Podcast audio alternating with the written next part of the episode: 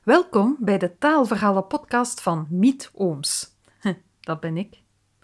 Soms voel ik een taalverhaal opborrelen. Dan trek ik me terug op mijn zolderkamertje en gooi ik het eruit. Ik typ het met mijn toetsenbord of vertel het tegen mijn microfoon, onder het dakraam, tussen mijn vier muren. Met deze podcast laat ik die verhalen los op de wereld. Voor jou en iedereen die meeluistert.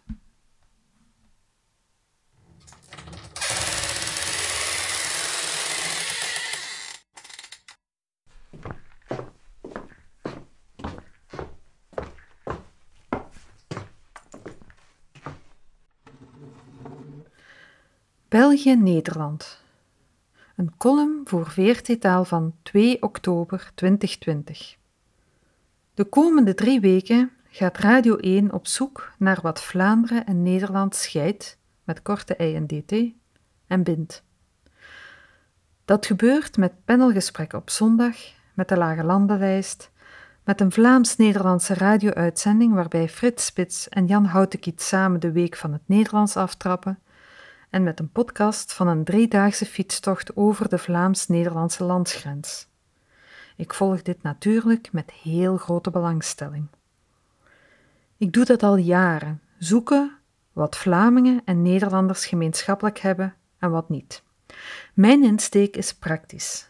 Welke woorden kan ik wel en niet gebruiken als ik een tekst vertaal voor het hele taalgebied? Welke toon sla ik aan? Waar kan ik met mijn vragen terecht? Hoe formuleer ik ze het beste? Die laatste zin is overigens een mooi voorbeeld van een Vlaams-Nederlands verschil. Toen ik het manuscript van mijn boek Buurtaal van de Nederlandse redacteur terugkreeg, had ze de zinsconstructie je, werkwoord, het beste zus of zo, systematisch veranderd in je kunt maar beter zus of zo, werkwoord. Het sterkste is dat die kwestie in het boek staat, met het advies voor België kan dit, voor Nederland is de combinatie kan beter aangewezen. Oeps. Maar dit terzijde. Terug naar de praktijk. Vertalers, Nederlandse en Vlaamse, worden vaak geconfronteerd met Noord-Zuid kwesties. Wat betekent dit woord? Hoe noemen jullie dit? Is deze zin fout of kan die wel in België, dan wel Nederland? Zelf heb ik dan nog eens een bovengemiddelde interesse in die verschillen. Sommige mensen noemen het een obsessie. Ik noem het liefkozend een van mijn stokpaardjes in mijn manege. Ik heb dus mensen nodig, Nederlanders en Vlamingen, die iets van taal kennen en er zelf genoeg in geïnteresseerd zijn om mijn talloze vragen te beantwoorden en mijn vragenlijsten in te vullen. Ik moet dus gericht op zoek gaan. Vaststelling: als je op sociale media het antwoord zoekt op een taalvraag en je hebt zowel Nederlandse als Vlaamse antwoorden nodig, dan moet je dat gericht aanpakken. Nederlanders zijn het makkelijkst te vinden. Je gaat naar een virtueel pleintje waarvan je weet of vermoedt dat er Nederlanders in de buurt zijn en je roept, virtueel dus: Hey, weet iemand hier iets over? Binnen enkele minuten word je overspoeld door antwoorden, waarvan sommige bruikbaar zijn en sommige helemaal naast de kwestie.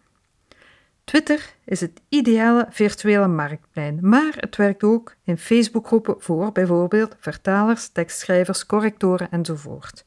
Probeer het maar eens. Vlamingen hebben een andere aanpak nodig. Zij antwoorden pas als ze er zeker van zijn dat ze de juiste persoon zijn om die vraag te beantwoorden en je echt op hun antwoord zit te wachten. Je moet dan als het ware op een virtuele deur kloppen, wachten tot ze open doen, je vraag voorleggen en er liefst bij zeggen dat je het hen vraagt omdat je hun expertise kent en waardeert. De online versie, in Facebookgroepen met veel Vlaamse leden een helder geformuleerde vraag posten en erbij zeggen van wie je verwacht dat ze hierop kunnen antwoorden. Bijvoorbeeld, zitten er hier mensen die iets kennen van dialecten? Je zult minder antwoorden krijgen, maar die zullen wel vrijwel allemaal relevant zijn. En soms ontstaat er ook dan een heel boeiende, leerrijke discussie. Dit gerichte werkt gewoon niet op Twitter. Te veel hashtags, tags en tekens nodig. Samengevat, Nederlanders zijn online makkelijker te vinden, vooral op Twitter. Naar Vlamingen moet je gericht op zoek gaan. Voor de volledigheid, LinkedIn maakt geen verschil, Instagram is niet zo geschikt voor dit soort dingen. En voor TikTok ben ik te oud en te weinig danswaardig. Ik ken mijn grenzen. Nog een vaststelling. Als Vlamingen en Nederlanders met elkaar in discussie gaan over het Nederlands, wat in gemengde Vlaams-Nederlandse Facebookgroepen wel eens gebeurt, zie je meteen een verschil in stijl. Nederlanders gaan er tegenaan, gooien hun vragen, antwoorden, meningen in de groep en klinkt het niet, dan botst het maar. Of beter, ze staan er niet bij stil dat het zou kunnen botsen, want ze tonen toch hun bereidheid om te helpen. Vlamingen zijn meestal bedachtzamer, reageren zoals gezegd alleen als ze zeker genoeg zijn van hun antwoord en zijn bijgevolg heel geïrriteerd als dat een twijfel wordt getrokken. En dan verdedigen ze hun antwoord vol vuur. En dat zorgt dan weer voor verwondering bij de Nederlanders. Als vraagsteller moet je je wel bewust zijn van dat verschil in stijl. Van Nederlanders krijg je veel antwoorden, maar die moet je zelf nog filteren. Van Vlamingen krijg je minder antwoorden, maar ze zijn wel vaker bruikbaar. Ze zijn immers vaak al gefilterd. Terug naar de kernvraag. Verbindt dat verschil in communicatiestijl ons nu net, wel of niet? Het zou ons kunnen scheiden. We reageren anders, we communiceren anders en dat botst en schuurt. Maar als we daar rekening mee houden, vullen we elkaar net prima aan. Verbinden of scheiden, het is maar wat je er zelf van maakt.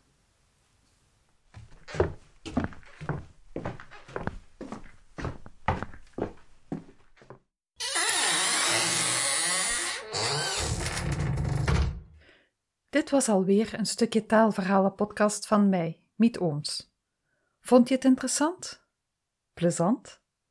Vertel er dan over. Geef een review of een like, deel ze op je sociale media of laat je vrienden er gewoon naar luisteren.